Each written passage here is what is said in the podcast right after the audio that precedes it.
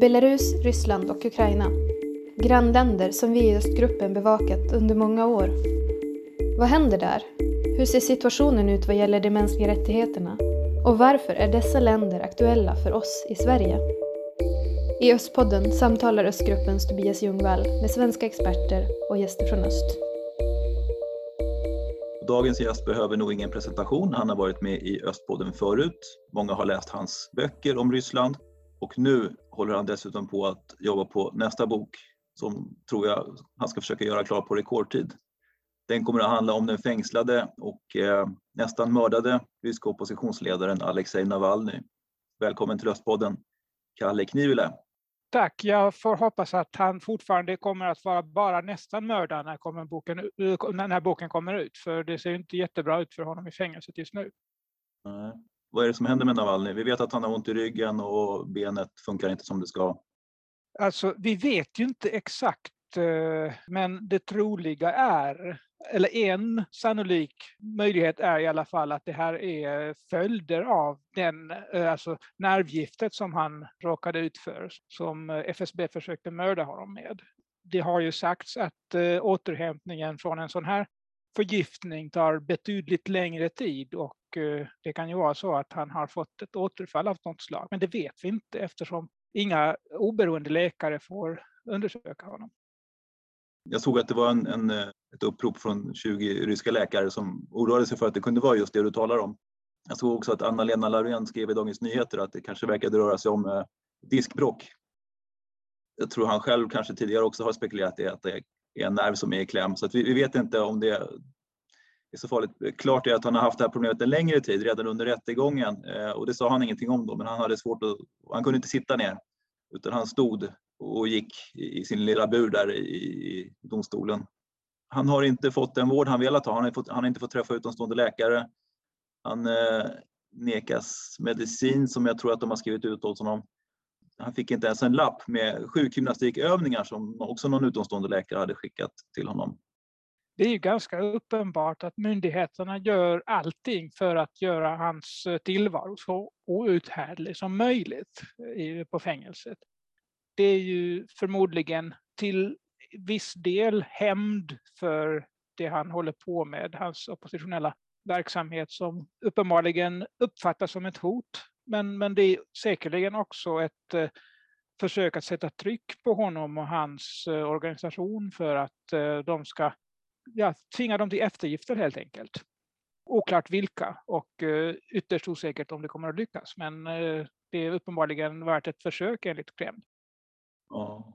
Medusa intervjuade en eh, jurist i Chita i Sibirien som höll på att jobba för fångars medicinska rättigheter och det är något man hör hört talas om ibland att det är inte lätt att få bra sjukvård som fånge. Så det är väl inte uppenbart huruvida allt det här som händer är en följd av att man vill hämnas eller sätta press på honom eller att det bara är så det brukar gå till i, i fängelser. Det är väl både och. Alltså det är ju lite beklämmande egentligen att vi inte bryr oss om ryska fångars förhållanden förrän en eh, känd oppositionsrepresentant hamnar i kläm. Men eh, definitivt är det som du säger att eh, ryska fängelser är inget bra ställe att bli sjuk på för då kan det gå riktigt illa. Men samtidigt är det ju helt uppenbart att eh, Alexej Navalny är ju inte vem som helst. Och eh, hur mycket Kremls stadespersoner än upprepar att de inte vet någonting om eh, hur han har det i fängelset så, så är det ju helt säkert så att de vet exakt och har gett order om att han ska inte ha det för lätt utan tvärtom. Um den hjälp han har fått, han har fått träffa en, en neurolog som kriminalvården har tillhandahållit och han har fått genomgå magnetröntgen, men han har inte fått veta sin diagnos utifrån de undersökningarna. Nej. I alla fall inte än. Nej. Så vi ska väl inte helt och hållet ge upp hoppet om att han kanske kommer att få någon slags rimlig hjälp och, och diagnos även från fängelset. Eh, särskilt nu när det ändå finns ett tryck från omvärlden och, eh, och det ryska samhället på att han ska få hjälp.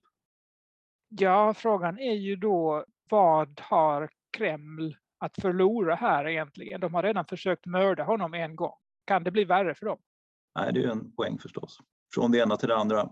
Varför tror du att de försökte mörda Alexej Navalny i augusti förra året? Eh, alltså, jag vet inte om, om man kan peka ut en specifik orsak. Så det har ju spekulerats i att eh, det var oroligheterna i Belarus efter valet som, eh, som eh, gjorde att eh, makthavarna i Ryssland blev extra rädda. Men eh, uppenbarligen gjordes det ju ett försök redan innan, redan före valet i Belarus, i Kaliningrad, när det var Julia Navalny som blev sjuk. Jag skulle väl tro att det är en del i den här större omvälvningen i det ryska politiska landskapet där även den här nya grundlagen ingår. Alltså man har, eh, ja, man och man, Kreml, Putin har upplevt att de behöver stärka sin legitimitet, den upplevda demokratiska legitimiteten på alla möjliga sätt och röja undan alla hot eftersom stödet framförallt bland de yngre är vikande och det verkar ju att eh, han vill sitta kvar ganska länge. Så han behöver nya yngre väljare eller nya personer som kan tänka sig att rösta på honom i brist på andra alternativ. Det här med Kaliningrad och att Julian Navalny blev dålig där, det har jag helt och hållet missat. Det hände alltså innan eh, augustivalet i Belarus? Det hände något tidigare, det var några veckor före, före händelsen i Tomsk. Eh, och det var ju ingenting som Navalny gick ut med då, för de uppfattade inte det som så allvarligt. Men efteråt eh, i samarbete med Bellingcat så såg de ju då att, eh, att just vid den, detta tillfälle så hade, de varit, hade dessa FSB-agenter varit i Kaliningrad och det förekom väldigt tät eh, telefonkontakt i Moskva mellan dessa samma personer som sedan hade tät telefonkontakt i samband med den mer lyckade förgiftningen i augusti. Det är väl rätt så sannolikt att det var ett tidigt försök och sen kan det finnas ytterligare ett försök som inte är lika väl belagt. Ja, det här var nytt för mig eh, och spännande och intressant förstås. Till den som inte vet det så är Julia då Alexej Navalnyjs fru eh, och då får man förmoda att man försökte mörda honom och att hon råkade få i sig lite gift i så fall. Däremot blev han ju förgiftad ett år tidigare och det vet jag inte riktigt heller vad det var för någonting då, om det var ett mordförsök eller något annat det har jag inte fördjupat mig i så mycket. Men, eh, men alltså det är ju uppenbart att de här FSB-agenterna har följt efter honom ja. vid eh, ett antal tillfällen. Först ganska aktivt eh, under hans presidentvalskampanj före valet 2018 då. Ja, tre år sedan. Sen då precis innan den här händelsen i Tomsk i augusti det här giftmordskommandot då, som är ganska så utförligt kartlagt av eh, Bellingcat, de har ju följt efter även andra människor som har dött, oppositionella, mindre kända sådana på olika håll och kanter. Om man ska försöka se någon röd tråd i den här giftmordsverksamheten så jag vet för lite om de här konkreta fallen, men i en del fall så handlar det om, om att, verkar det kunna handla eventuellt om att de här oppositionella haft kontakter med utlandet. Ja. Och i kända mord eller mordförsöksfall, till exempel på Skripal i Storbritannien då för tre år sedan och som överlevde och Litvinenko i, eh, också i London i 2006. De är lite annorlunda för de jo. är ju inte oppositionella på det viset utan de Nej. uppfattas mer som förrädare alltså inifrån säkerhetstjänsterna. Men då blir ju den röda tråden just att man har eh, så att säga gått, eh, att man är förrädare på så vis att man går utlandets ärenden i en del i alla fall av de här fallen, i något av de här fallen så har det antytts i analysen av det hela att det kan ha varit eh, något sånt som låg bakom ett mord på någon okänd politiker som jag inte kände till, någon från rättvisa Ryssland var det. Han skulle möjligen kunna ha haft kontakter med utlandet, spekulerade eh, Medusa tror jag det var. Och även när det gäller Navalny så har man ju anklagat honom för det här, så jag, jag funderar på, kan det vara sådana liksom motiv som ligger bakom? Jag tänker att det krävs en, någon slags tröskel för att man ska låta mörda en person. Mm. Ja, det vet vi inte. Och jag tror inte heller att vi känner till alla mord som har ägt rum. Så det är, vi, har, vi, har, vi har bristfälligt material för att göra den typen av analyser. Och här ser vi också att vi fick reda på andra fall när man började djupdyka i detaljerna kring mordförsöket på Navalny. Andra fall som vi eh, tidigare antingen inte hade känt till eller som liksom hade varit väldigt luddiga och otydligt vad som egentligen hade hänt där. Men visst är det så att eh, den ryska ledningen eh, generellt vill uppfatta all oppositionell verksamhet som inte är inom de tillåtna ramarna som eh, någon sorts inblandning utifrån och då gärna just från utländska säkerhetstjänster. Det är ju detta som Navalny har anklagats för helt, så vitt jag förstår, utan några som helst indicier ens som skulle kunna peka på att han har stöd utifrån. Alltså hans eh, antikorruptionsfond har ju deklarerats utländsk agent.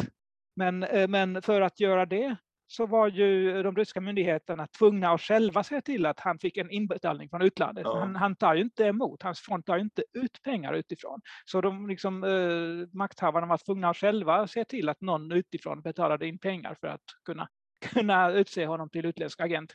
Det finns ett indicium. De eh, offentliggjorde ganska nyligen en, eh, en smyginspelning av ett samtal mellan eh, en Navalny-medarbetare och en brittisk diplomat 2012 mm. där Navalny-medarbetaren undrade om inte Storbritannien hade tillgång till material om ryska makthavares korruption som man kunde dela med sig av för att hjälpa till med, med antikorruptionsfondens avslöjanden. Då. Så där finns det ett litet indicium på, på det. Men mer än så har vi inte hört från ryskt makthavarhåll vad jag vet. Jag var också inne, precis som du, på att det här hade med Belarus att göra, men, men eh, det var innan jag visste att det hade skett ett förgiftningsförsök innan då.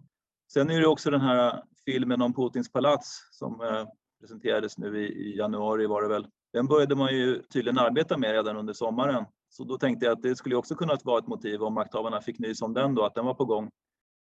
Möjligen, men alltså den filmen i sig avslöjar ju ingenting som är i sak nytt. Ingenting stort i alla fall som, som jag känner till som är i sak, i sak nytt jag vet inte hur länge de höll på med den filmen. Eh, jag vet att eh, de ville få den klar innan eh, Alexej Navalny återvände till Ryssland, för han ville vara i Ryssland när det släpptes. Och den släpptes ju den 19. Han återvände den 17, han, han häktades den 18 och filmen släpptes den 19. Ja, just det. Och den, den, den var ju också delvis inspelad i Tyskland. Alltså den inleds ju väldigt effektfullt vid det höghus, eh, sexvåningshus i Dresden där eh, Vladimir Putin bodde när han var KGB-agent där. Jag har inte sett filmen. Jag har sett Putins villa när han jobbade i Dresden och jag har sett Stasi-högkvarteret som låg i närheten. Men, men frågan var ju då om, om, om filmen i sig var en anledning. Ja, nej, det har jag svårt att tro inte så mycket nytt men det var ändå en ny, ny sak att han, den angrep Putin personligen tidigare och han gett ja. sig på Putins underhuggare och hans uh, maffiavänner. Så på så vis var det ändå någonting nytt. Vet vi att just den filmen i denna form var tilltänkt före förgiftningen? Vet vi det? Ja, det Navalnys medarbetare tror jag har berättat för att de började okay. liksom syssla med det här projektet under sommaren. Men som du säger, det hände ju andra saker i Ryssland vid den tiden. Den här konstitutionsförändringarna, man kanske helt enkelt ville ha ett politiskt system utan någon som Navalny närvarande. Alltså jag, jag, tror mer på den stora bilden, att Navalny helt enkelt inte längre passade in i det nya politiska systemet. Han var för störande. Alltså man har ju försökt eh, bromsa och, och, och störa honom under alla åren på olika sätt och eh, genom att eh, ta hans bror som gisslan, låsa in honom på tre och ett halvt år och ha olika eh, villkorliga fängelsedomar hängande över Navalny så att han inte kan ställa upp i val och liknande. Och nu använder man ju till slut då den här eh, nödlösningen att låsa in honom då med hjälp av den sista kvarvarande villkorliga domen när, när man inte lyckades, eh, lyckades mörda honom. Men alltså det är ju också säkert någonting som man har haft eh, i reserv under en längre tid. Att eh, blir det riktigt illa, då låser vi in honom. Vi har alltid den här och den här kroken. Och eh, två och ett halvt år ungefär har han kvar att sitta inlåst om det blir så. Du är optimist. Ja, man kan ju förlänga ett fängelsestraff om, om någon till exempel bryter mot disciplinen upprepade gånger på ett grovt sätt. Och där har ju Navalny kanske han har redan fått ett antal anmärkningar. Jag tror inte man kan förlänga straffet på det viset. Man kan Däremot, dömas till nya straff tror jag, för att ha brutit mot... Eh, Man kan dömas eh, till nya straff eh, utifrån andra brott som de redan har på vänt. De har ju exempelvis den här påstådda förskingringen av pengar som har skänkts till antikorruptionsfonden som påstås att återigen, så vitt jag förstår, helt utan någon bevisning påstås att Navalny skulle ha använt till egen konsumtion. Och det är ju mycket märkligt eh, med tanke på att eh, den här fondens finanser är eh, väldigt noga kontrollerade av alla berörda parter. Man kan dömas tror jag för sabotage av kriminalvårdens verksamhet. Det hände en Sergej Monachin, en tidigare politisk fånge som fick tillbringa ytterligare något år extra i fängelset på grund av så att säga, bråk med, med fångvaktarna. Ja, men alltså det är bara en formalitet på vilka grunder man dömer folk. Alltså det finns alltid en paragraf om det behövs. Och eh, i detta fall tror jag att det behövs. Alltså jag kan inte se en framtid där eh, Vladimir Putin sitter i Kreml och eh, Alexej Navalny är fri att verka i Ryssland. Det tror jag inte på. Den, den, den kombinationen går inte ihop. Jag tror inte han, han, kommer inte, han kommer inte att släppas ut annat än om han går med på att lämna landet eller om Putin inte längre sitter i Kreml. Det är vad jag tror. Eller möjligtvis, alltså de kan ju ha en önskan om att han, han, han ger upp, han backar, han, han uh, låter sig uh, köpas på något vis. Men uh, det tror jag är osannolikt av andra skäl.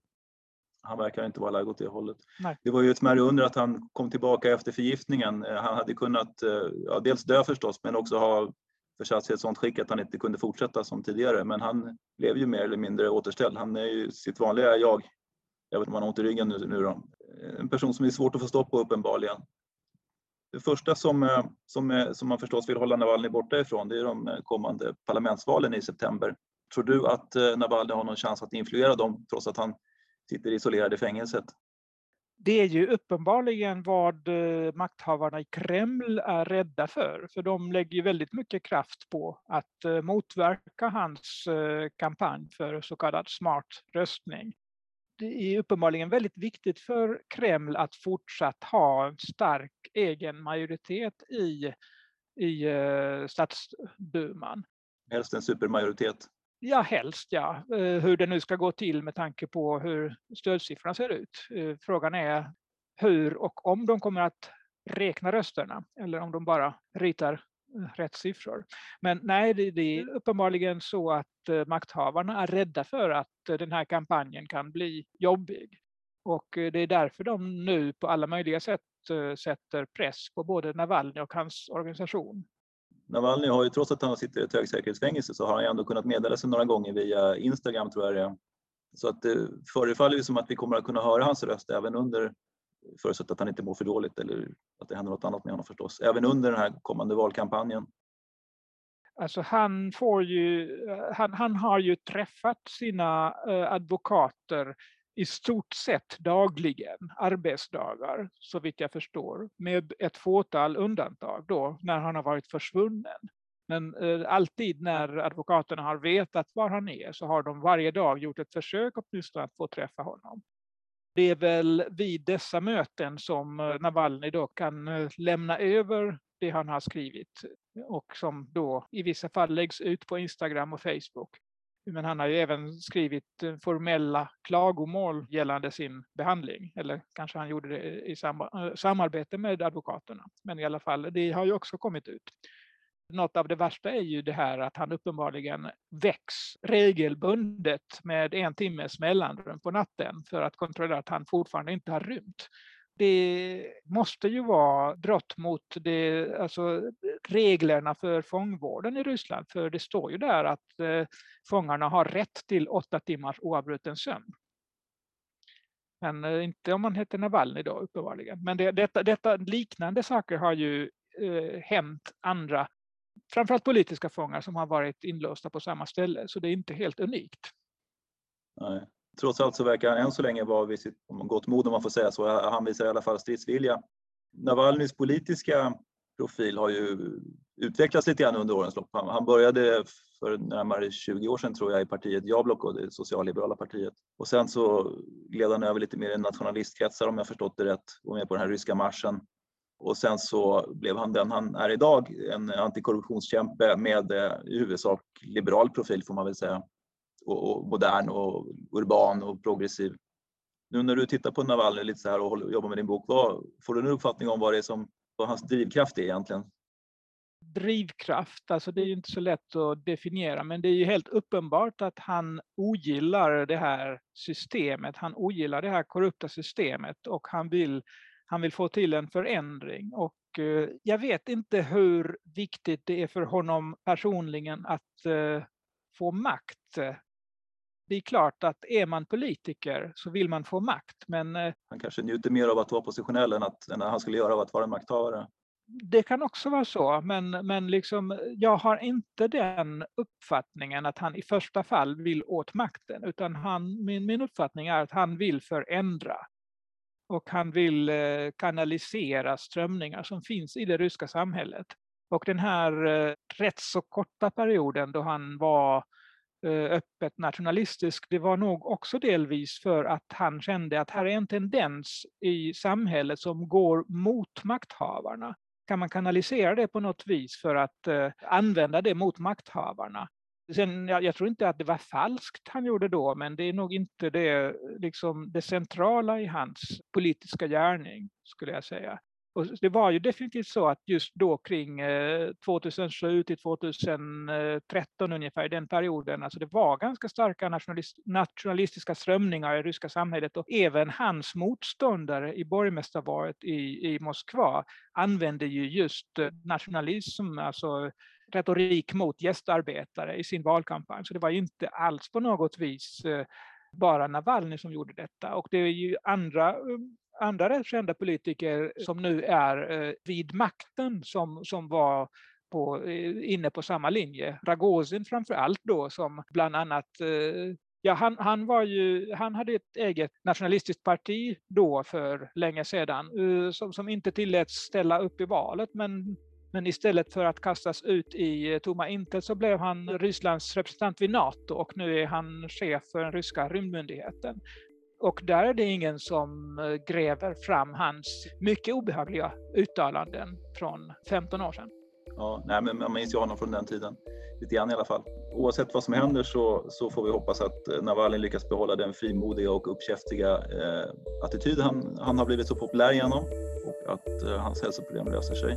Och så får vi se vilken roll han spelar. Tack för att du var med i Östpodden, Kalle Knivile. Tack, tack.